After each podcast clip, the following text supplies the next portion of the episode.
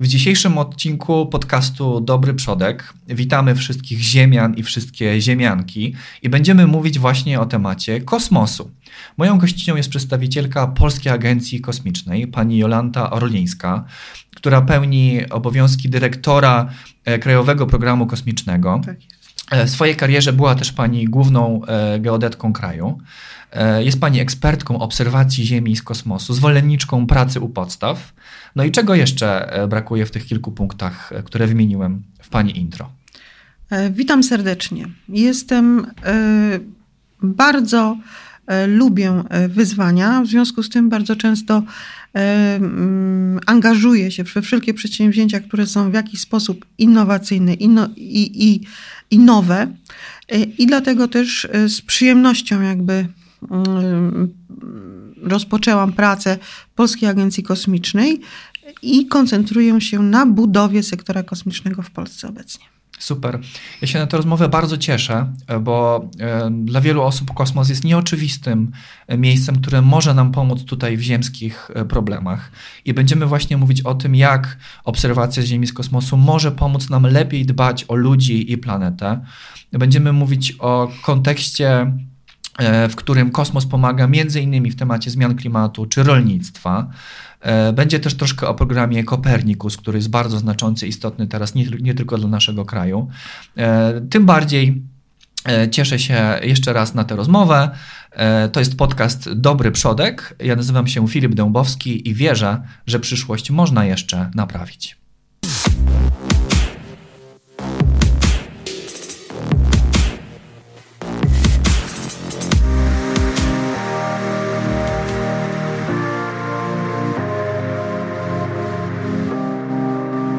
Dzisiaj w studio Dobrego Przodka, poza panią przedstawicielką Polskiej Agencji Kosmicznej, mamy jeszcze na stole przedstawiciela e, Polskiej Agencji Kosmicznej.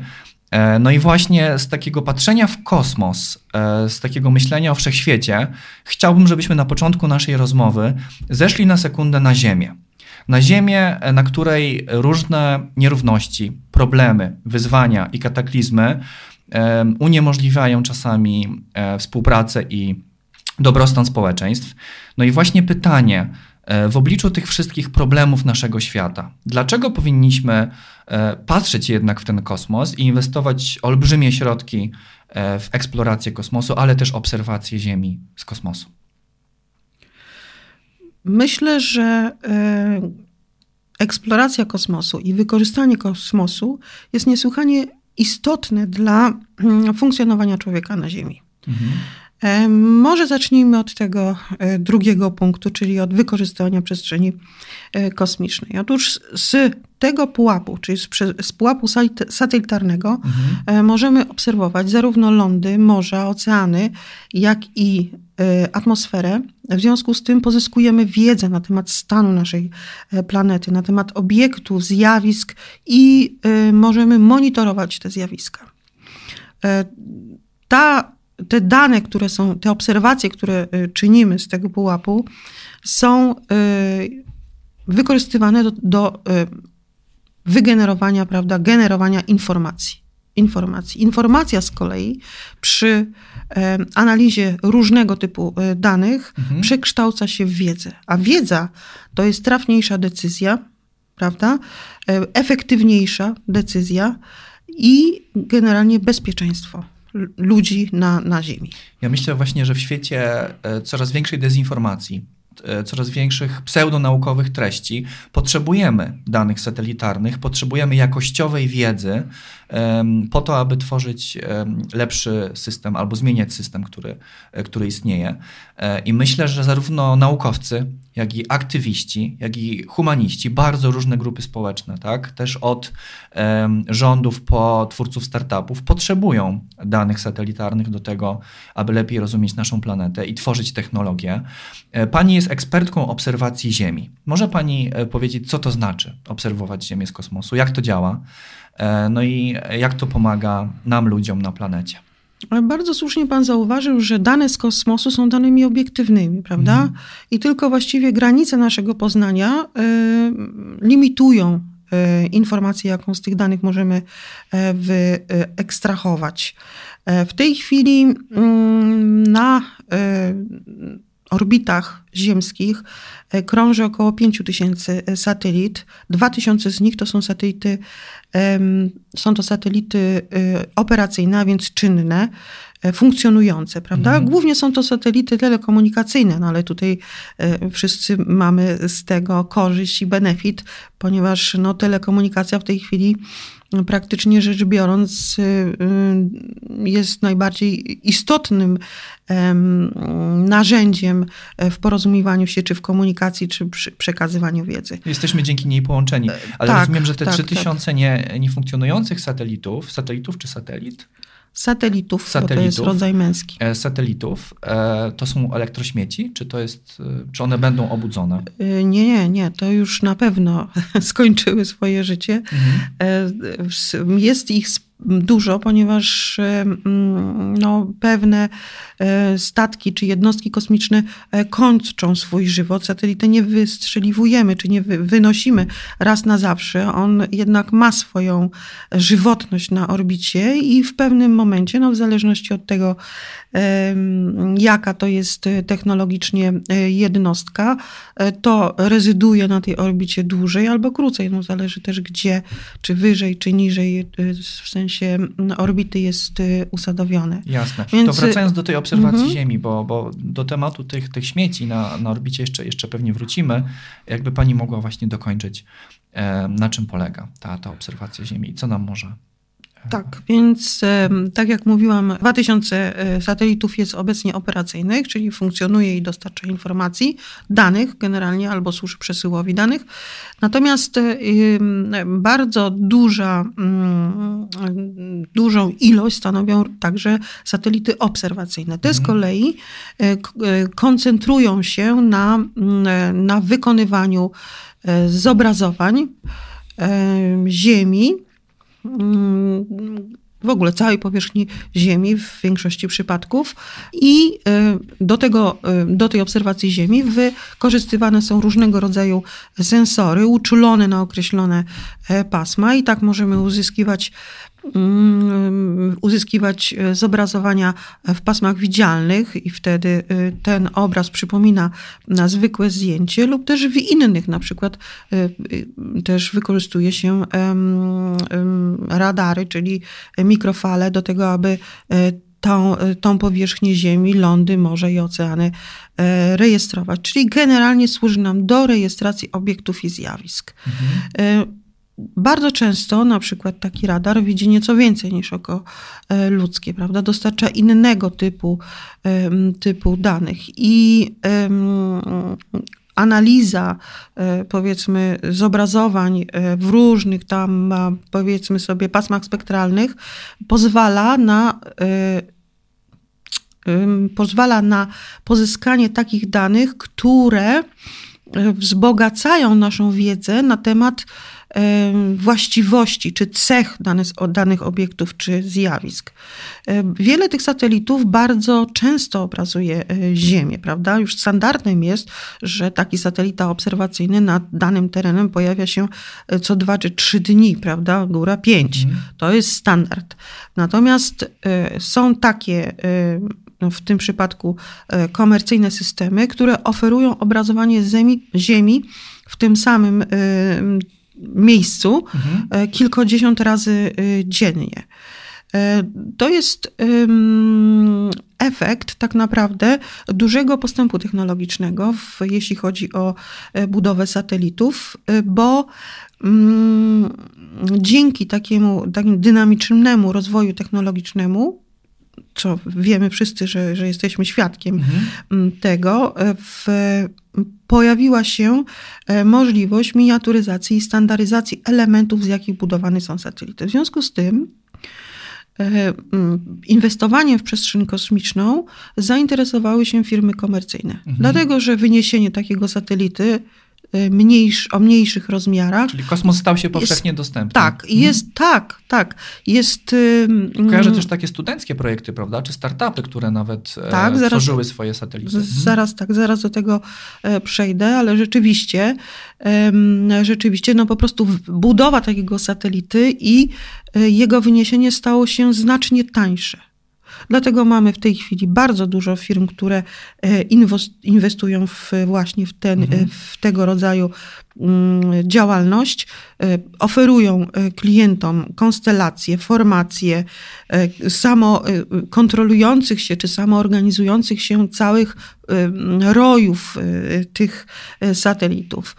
No nie, tutaj może tylko, żeby uzmysłowić Państwu, jak, mm, jak duże mogą być te konstelacje, no akurat tutaj może nie, nie, nie dotyczy to obserwacji Ziemi, chociaż tu też mamy dość spore mm, osiągnięcia, ale te konstelacje telekomunikacyjne mają liczyć, na przykład te mm, właśnie firmy SpaceX po 12 tysięcy satelitów. I w tej mhm. chwili polityka jest taka, że w tejże konstelacji, jak satelita jest mały, kończy swój żywot, jest zastępowany kolejnymi. W związku z tym w związku z tym, mhm. no jakby cały czas ten stały, mniej więcej stała ilość tych satelitów jest na orbicie utrzymywana. A te koszty mm, umieszczania satelitów na orbicie też mogą jeszcze zmaleć dzięki wirówkom. E, obserwowałem ostatnio taki projekt zagraniczny, bodajże z Ameryki Południowej, e, który właśnie z sukcesem wyrzucił ważącą 50 kg satelitę,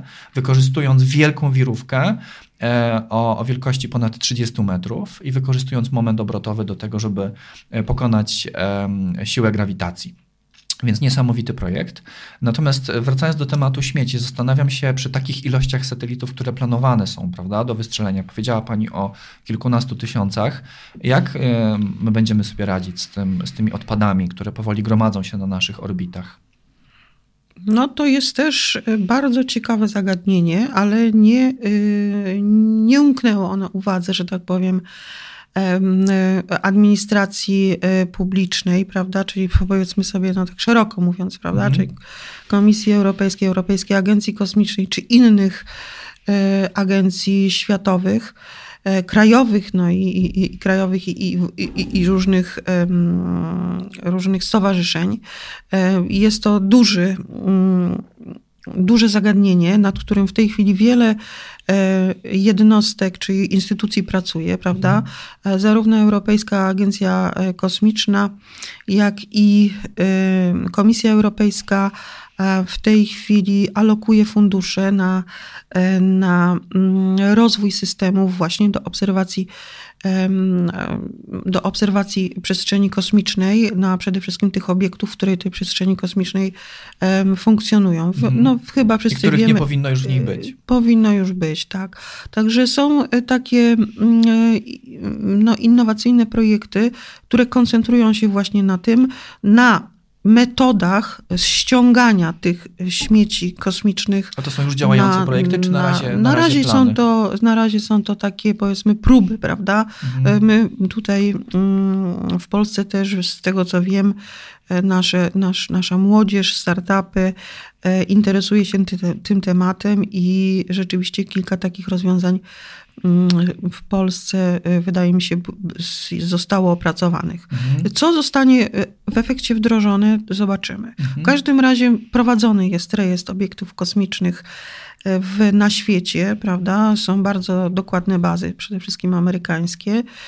Także mm, no, jest to bardzo ważne, aby wszystkie te obiekty kosmiczne były zarejestrowane, ponieważ one stanowią bardzo duże zagrożenie dla satelitów, e, prawda, które umieszczamy, Jasne. no i mogą prowadzić jednak do, do dużych strat e, w tych systemach satelitarnych, które mamy. Czyli ten temat chwili. kosmicznych śmieci na razie jest w etapie eksploracji i szukania innowacji sposobów wychwytywania tych śmieci. Natomiast wracając jeszcze do e, do tego udziału kosmosu w, w naszym dobrostanie na Ziemi i w walce o to, abyśmy skuteczniej tworzyli nasz system. E, obserwacja Ziemi z kosmosu, odkąd wystrzelono pierwszą satelitę pogodową e, przez NASA w 1960 roku, pomaga nam udowadniać, że zmiany klimatu są antropogeniczne, czyli spowodowane działalnością człowieka. Między innymi dzięki temu, że satelity mierzą temperaturę powierzchni mórz i oceanów ale także dlatego, że ma miejsce tak zwane obrazowanie satelitarne, czyli właśnie robienie zdjęć e, Ziemi z kosmosu. No i tutaj na przykład e, wychwytywanie dzikich pożarów w ich zarodku, czyli jeden ze skutków zmian klimatu e, ma miejsce dzięki właśnie satelitom, ale też później gaszenie tych pożarów dzięki zdjęciom satelitarnym staje się skuteczniejsze. Drugi aspekt to monitorowanie, jak podnoszą się poziomy mórz i oceanów. E, topniejące lodowce sprawiają, że e, niektóre tereny, tereny będą zalane, więc obserwowanie, tak jak pani powiedziała, zmieniających się przez dekady e, obszarów pomaga nam lepiej zrozumieć, gdzie tak naprawdę nasz klimat już konkretnie negatywnie wpływa na człowieka. No i trzecia rzecz to rolnictwo i hodowla zwierząt. I właśnie te zdjęcia z kosmosu pomagają nam chociażby widzieć, które te tereny wylesiamy i w jak dużym stopniu, no ale też pomagają rolnikom e, w, w uprawach i w tworzeniu e, bardziej zrównoważonego rolnictwa. Wiem, że pani e, zajmuje się też tematem właśnie rolnictwa w kontekście kosmosu. I chciałbym teraz o to, o to zapytać właśnie, jak kosmos pomaga marchewce, pomidorowi i innym warzywom i owocom? No, poruszył Pan kilka bardzo ciekawych mhm. tematów i zagadnień, e, które związane są właśnie z obrazowaniem Ziemi. E, ja może tylko e, dodam, że mm, podkreślę to, że to jest jedyna metoda, która pozwala, pozwala w tak krótkim czasie rejestrować powierzchnię tak dużych obszarów. Mhm. Jedyna żadna inna nie, nie jest, nie, nie dorówna, że tak powiem, tej, tej cechy nie posiada, prawda? E, raz, że bardzo duży obszar, a po, a po drugie bardzo często. Także jest to, y, jest to jakby technologia, która, e, której no jakby żadną inną e, zastąpić nie można, bo poruszył Pan kwestię, zaraz przejdę do rolnictwa, ale poruszył Jasne. Pan kwestię związaną z topnieniem lodowców, prawda? Obserwacje topnienia lodowców prowadzimy od wieków de facto. No, bardzo dawno się zaczęły te obserwacje. I na początku to były mm, y, po prostu naziemne, mm, naziemne pomiary, prawda? Mhm. E, teraz naukowcy wykorzystali te naziemne pomiary sprzed, y, przed, sprzed lat i te zobrazowania satelitarne, które y, obrazują powierzchnię mm, lodowców, no, tereny arktyczne i mhm. co się okazało, słusznie pan powiedział, że e, lodowce topnieją, że to są skutki zmian e, klimatu i przy tej okazji chciałabym e, powiedzieć, że tak duża ilość informacji pozwala na tworzenie różnego typu modeli. Mhm. Te modele pogodowe na przykład, prawda, to znamy doskonale i wiemy o tym, że... Modele przeszłości czy przyszłości? Modele mogą być wykonywane wtedy, kiedy mamy bardzo dużą wiedzę na mhm. temat przeszłości. Mhm. I czynników, jakie powodowały e, dane zjawiska, prawda? Czyli czyli wtedy model może być wiarygodny, ponieważ on jest jakby testowany czy uczony na, na dużej ilości y, historycznych danych, prawda? Mhm. I taki model, na przykład związany z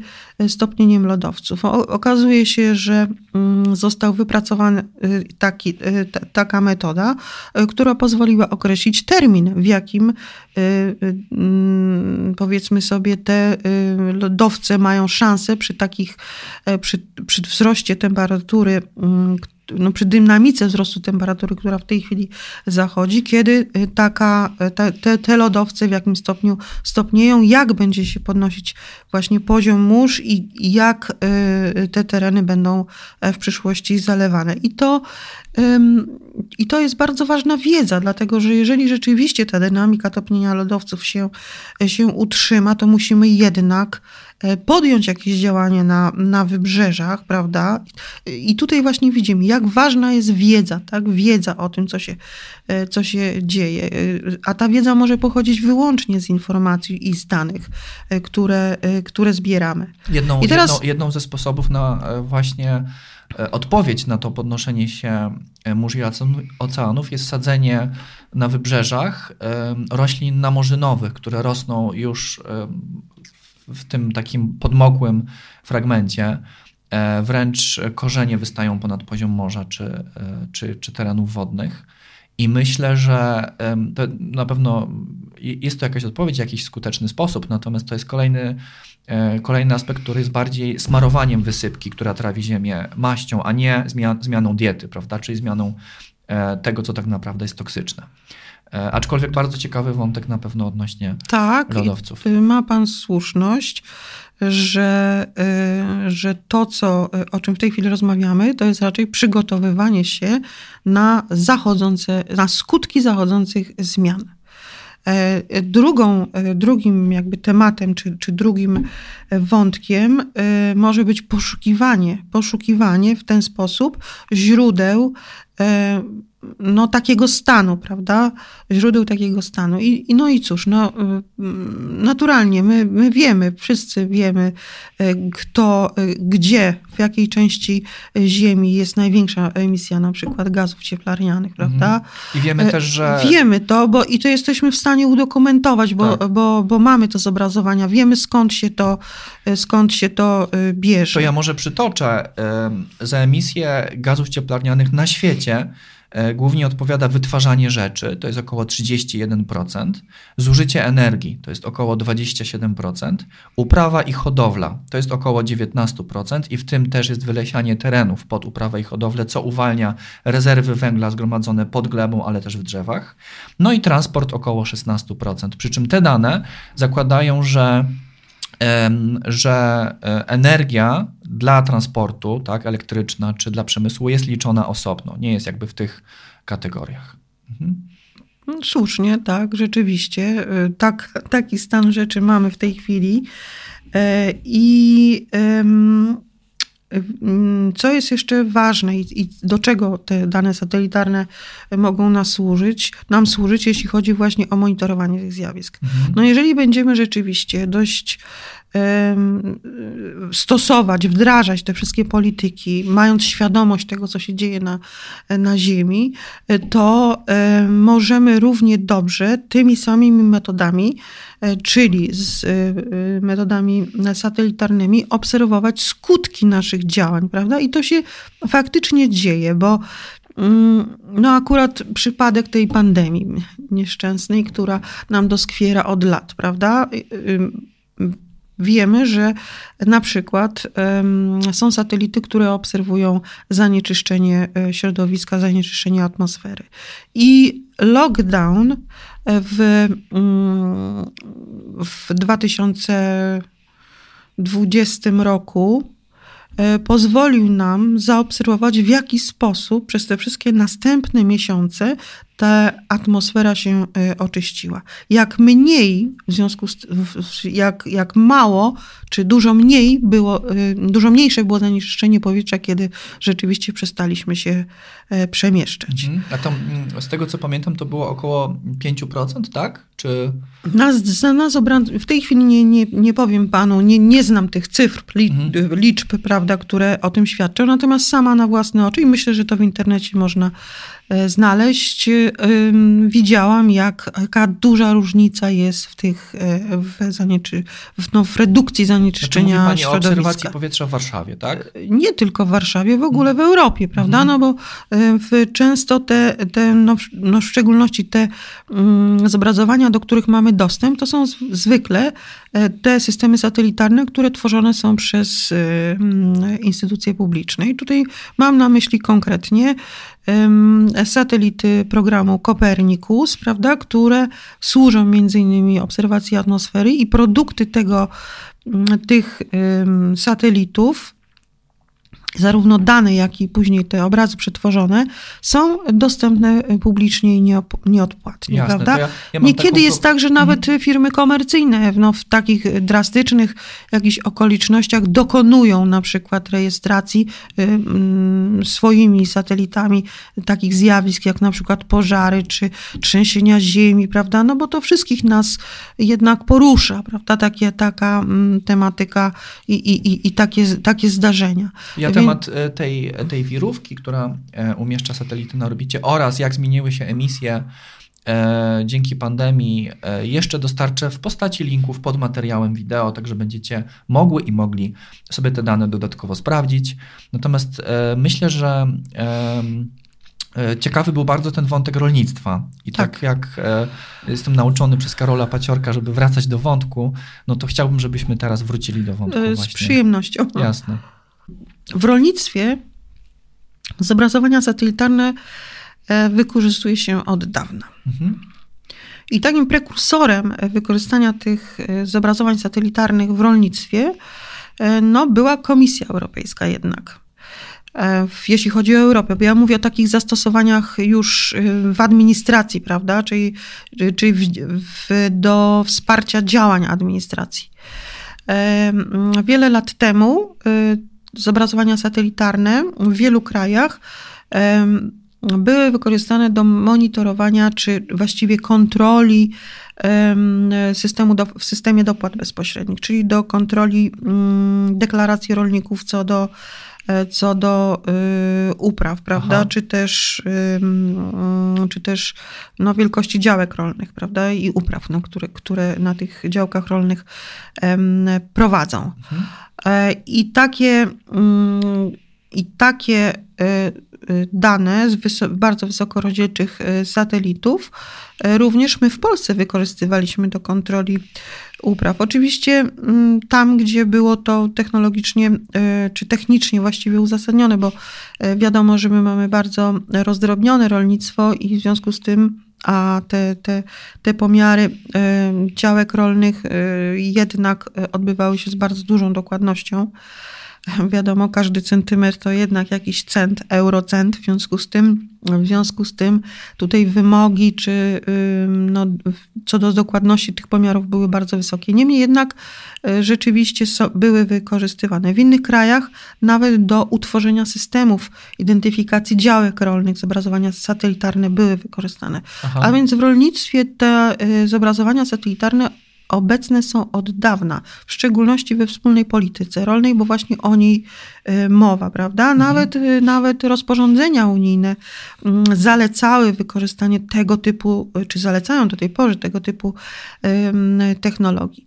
Dzisiaj. Mm, A jak to, jak to obrazowanie mm, właśnie działa i jak ono może pomagać ludziom, rolnikom, światu, organizacjom? To zobrazowanie, te zobrazowania, jeśli chodzi o rolnictwo, to e, w, wspomniałam o tym, że one przede wszystkim służyły do pomiarów, prawda? Bo na, na zobrazowaniu satelitarnym można mhm. dokonać e, pomiaru danej działki rolnej, prawda?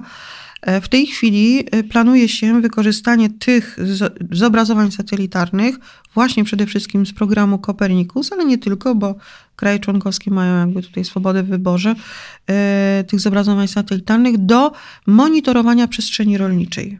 E, mhm. Co no, jakby tutaj wiąże się z monitorowaniem w ogóle spełnienia warunków dopłat w, w rolnictwie, prawda, czy w wspólnej polityce rolnej. Mm. Tam są co, różne programy. Co to znaczy monitorowanie przestrzeni rolniczej? To jest robienie zdjęć e, farm, tak, czy to jest... To jest roz, robienie, to jest jakby wykonywanie, czyli zobrazowanie całych powierzchni rolnych, czyli całej przestrzeni rolniczej, no bo wiadomo, że... Danego czyli kraju, tam, tak? Danego kraju, mhm. tak. Czyli tam gdzie, się, tam, gdzie są uprawy i tam, gdzie mogą rolnicy być uprawy, tak. mogą być uprawy i tam, gdzie rolnicy jakby występują o, e, o dopłaty, no, czy bezpośrednie, czy z innych programów rozwoju, rozwojowych, prawda, i, i jednak, e, więc w tej chwili właśnie jest, taki, mm, jest taka potrzeba, nawet u nas w kraju,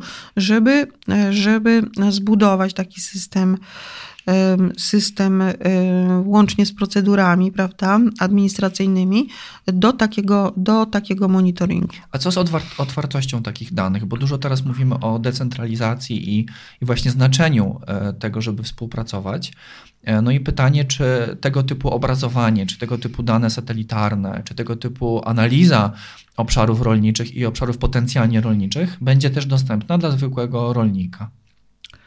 Zobrazowania satelitarne na pewno będą dostępne. One już są dostępne, dlatego mm. że promuje się przede wszystkim wykorzystanie tych zobrazowań e, z programu Copernicus, a mm. tutaj mamy y, taką sytuację, że polityka y, tego e, programu, w którym w tej chwili już 8 satelitów y, obrazuje, to jest polityka otwartych danych, czyli one są mm, bezpłatne Mhm. Produkty też wykonywane przez Europejską Agencję Kosmiczną i, mm, no, czy też na zlecenie Komisji Europejskiej są bezpłatne.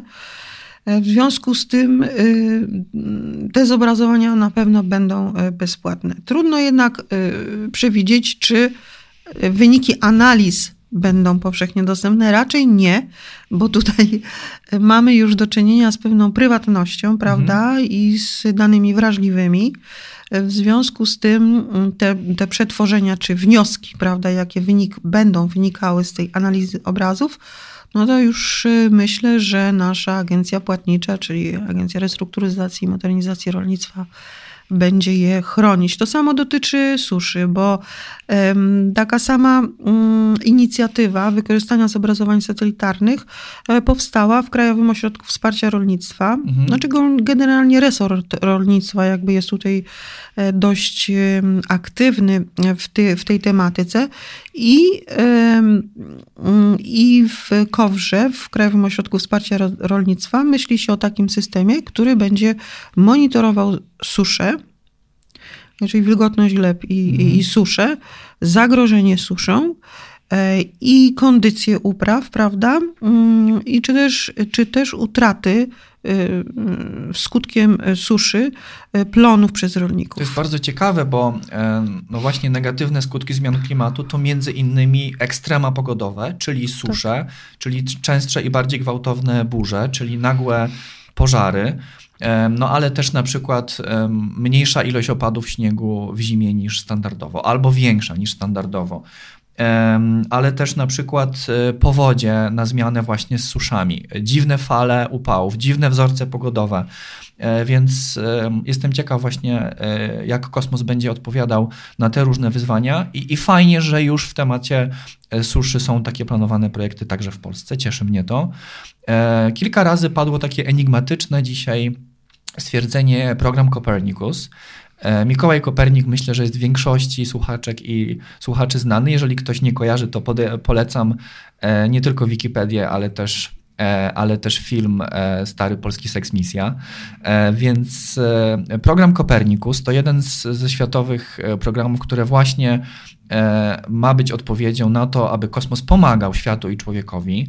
Inne przykłady to na przykład najnowszy program administracji Bidena w Stanach, czyli miliard dolarów między innymi na to, aby chronić ludzi, którzy są potencjalnie dotknięci skutkami zmian klimatu, czyli właśnie powodziami między innymi.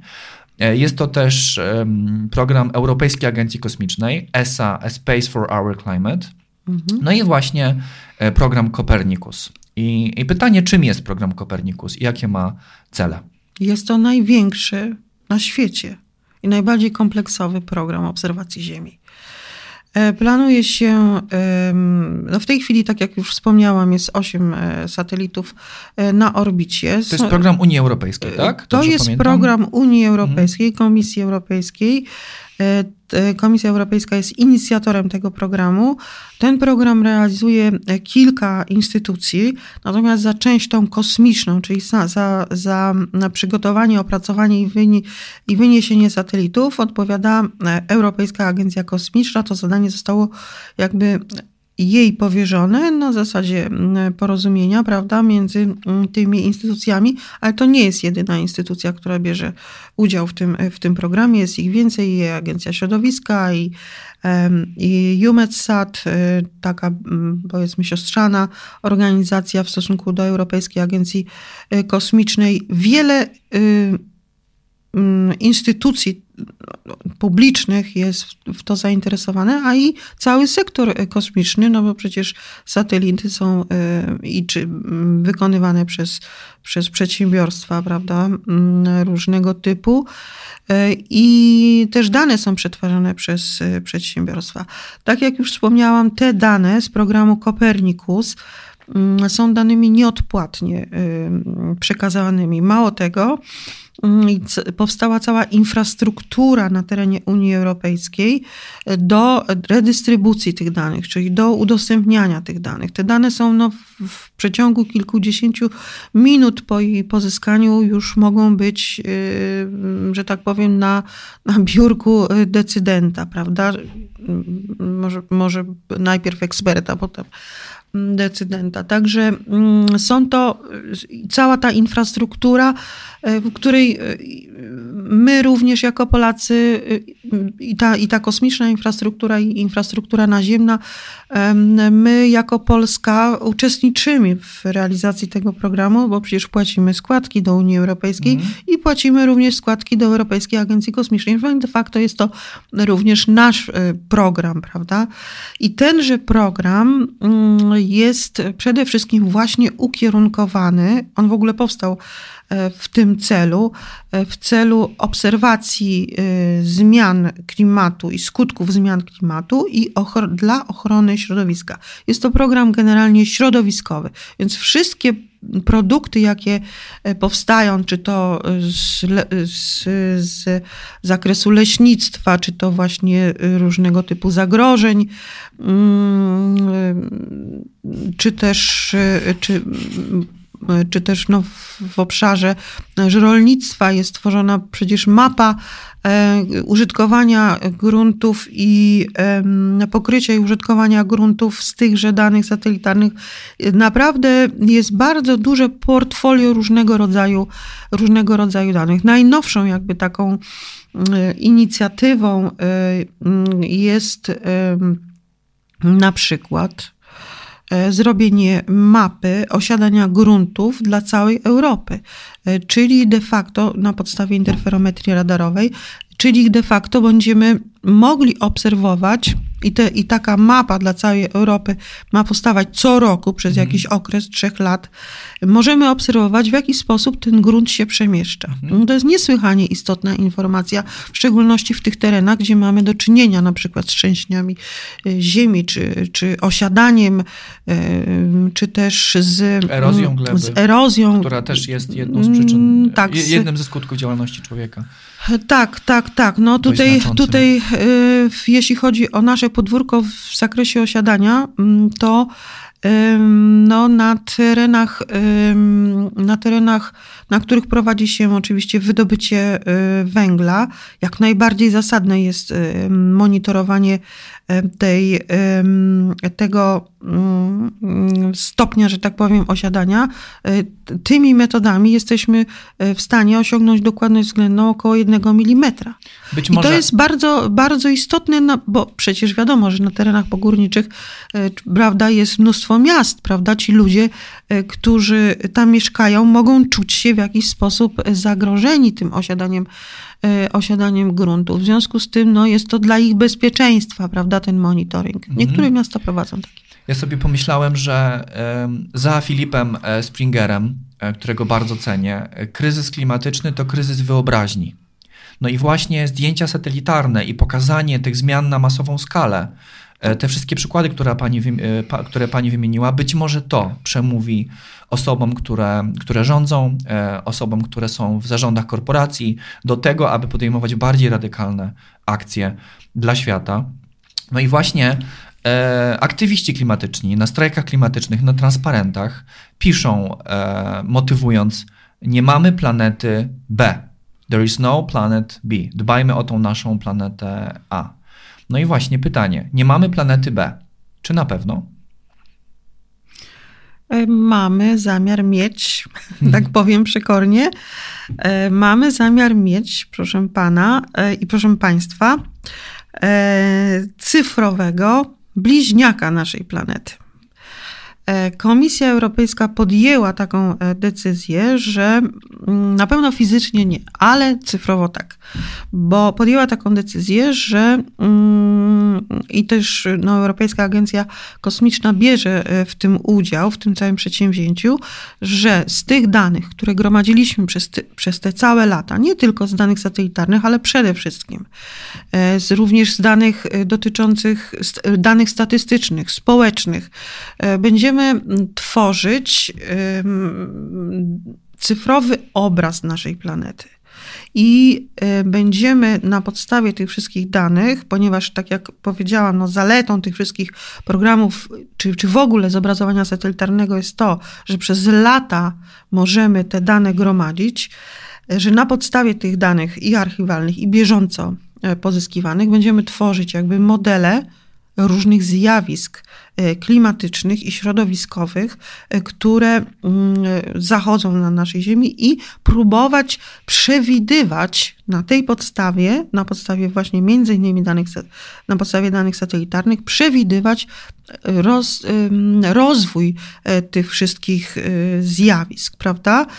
No i tym samym będziemy też mogli monitorować, jak te działania, które w tej chwili prowadzimy, te, te działania te, no, i te, te, te fizyczne, prawda, przedsięwzięcia, ale i też te e, działania formalne i prawne, e, które e, Unia Europejska wprowadza, w jaki, jaki skutek one wywierają i czy, czy rzeczywiście są, są te działania efektywne. Także planety fizycznie drugiej mieć nie będziemy. Na razie okazuje się, na że na Marsa, na Marsa wyprowadzić się nie możemy. Nie ma dowodów na to, że, że tam będziemy mm, mogli się y, y, no, przenieść, tak. przeprowadzić. E, także y, zresztą Mars, planeta niegościnna, w związku z tym chyba dobrze jest jednak zadbać o tą, y, na której w tej chwili żyjemy. Ja jestem technorealistą i zwolennikiem mądrych technologii, technologii współpracujących i zdrowej relacji człowiek-technologia. I taki temat cyfrowego bliźniaka Ziemi jest szalenie interesujący. Natomiast pamiętajmy jednocześnie, że w dobie, w której być może coraz więcej osób będzie pracować, żyć i grać w metaversum, E, takie środowisko cyfrowe i taki cyfrowy bliźniak e, potrzebuje przede wszystkim nas, ludzi, żeby istnieć, a my nie będziemy istnieć, jeżeli jeszcze bardziej nie zatroszczymy się na naszą planetę w sposób radykalny. E, no i teraz na chwilę schodząc na Ziemię, ponownie, tak jak na początku tego odcinka, ja chciałbym bardzo podziękować e, pani e, Jolancie Orlińskiej. Dziękuję bardzo za przyjęcie e, zaproszenia do odcinka podcastu Dobry Przodek, który powstał we współpracy z Polską Agencją Kosmiczną. Czy ma pani jakieś jedno ostatnie zdanie inspiracji dla słuchaczek i słuchaczy? Od czego zacząć zainteresowanie kosmosem? Może w tym kontekście, jeżeli ktoś jeszcze tym się nie interesował, a chciałby, to jakie strony internetowe, jakie projekty, być może ten właśnie ten projekt Kopernikus mogłyby pomóc, żeby tę przygodę rozpocząć. Zachęcam. E, niedługo również Polska Agencja Kosmiczna będzie dysponować taką infrastrukturą, która e, przybliży te dane satelitarne, to znaczy po prostu będziemy publikować produkty, e, w serwisy, tak? tak, w serwisy i usługi. E, także na razie jakby tutaj pracujemy nad, nad wdrożeniem tego systemu, przygotowujemy się do wdrożenia tego systemu. E, pierwsze produkty już są gotowe, ale rzeczywiście Kopernikus i te platformy eksploatacyjne, które z pewnością będziecie Państwo mogli znaleźć w internecie, wpisując chociażby Kopernikus i to, co Państwa interesuje, czy ląd, morze, czy, y, czy też zagrożenie powodziowe. Tam z pewnością y, te dane można, mm, można y, pozyskać. Można je, można, można je po prostu sobie ściągnąć, obejrzeć, no cokolwiek nie zamierzamy z tym zrobić. Natomiast jeśli chodzi o mm, kosmos, to ja myślę, że y, kosmos w naszym życiu jako, jako, jako ludzkości odgrywa ogromną rolę. Dlatego, że inspiruje nas tak naprawdę do mm, przekraczania własnych ograniczeń, tak? czyli po prostu przekraczania tych limitów, które, mm, które, które mm, w wiedzy, prawda? Czyli pozyskiwanie wiedzy, przekraczanie e, barier, inspiro, inspiruje nas, prawda, do, do mm, bardziej intensywnej działalności. No, już odchodząc od zobrazowania Ziemi, na pewno nie jeden z nas wie, że wiele e, odkryć, które mm, dokonywane były na przykład technologicznych, dokonywanych były w ostatnich e, latach, znakomicie sprawdza się w kosmosie, czyli tak naprawdę, e, e, czyli osiągnięcia, że tak powiem, dla technologii kosmicznych służą e, obywatelom i odwrotnie, prawda? To, co wypracujemy na Ziemi, niekiedy jest korzystne dla, mhm. w, w, tych, w eksploracji kosmosu. Także jest to wielka dla nas inspiracja mm, i przede wszystkim dla przekraczania e, granic naszej wyobraźni. Ja myślę, że faktycznie e, ludzka ciekawość to jest taki aspekt, który odróżnia nas od innych zwierząt i on nam pomaga tworzyć rzeczy niesamowite, takie jak kultura, jak sztuka, jak inspirowanie właśnie innych poprzez nasze osiągnięcia naukowe czy technologie. No i życzę sobie, żebyśmy potrafili ten kosmos urządzać w sposób lepszy niż do tej pory urządzaliśmy Ziemię, czyli w sposób etyczny i odpowiedzialny. Jeszcze raz dziękuję bardzo za, dziękuję e, bardzo. za tę rozmowę i e, w prezencie, w podziękowaniu e, ekologiczne mikroliście od firmy Listny Cud. Może pani sobie to ściąć na kanapkę, zjeść w dowolny sposób i są hodowane na naszym tutaj warszawskim Marsie, bo na Mokotowie na farmie wertykalnej. Dziękuję jeszcze raz. Dziękuję.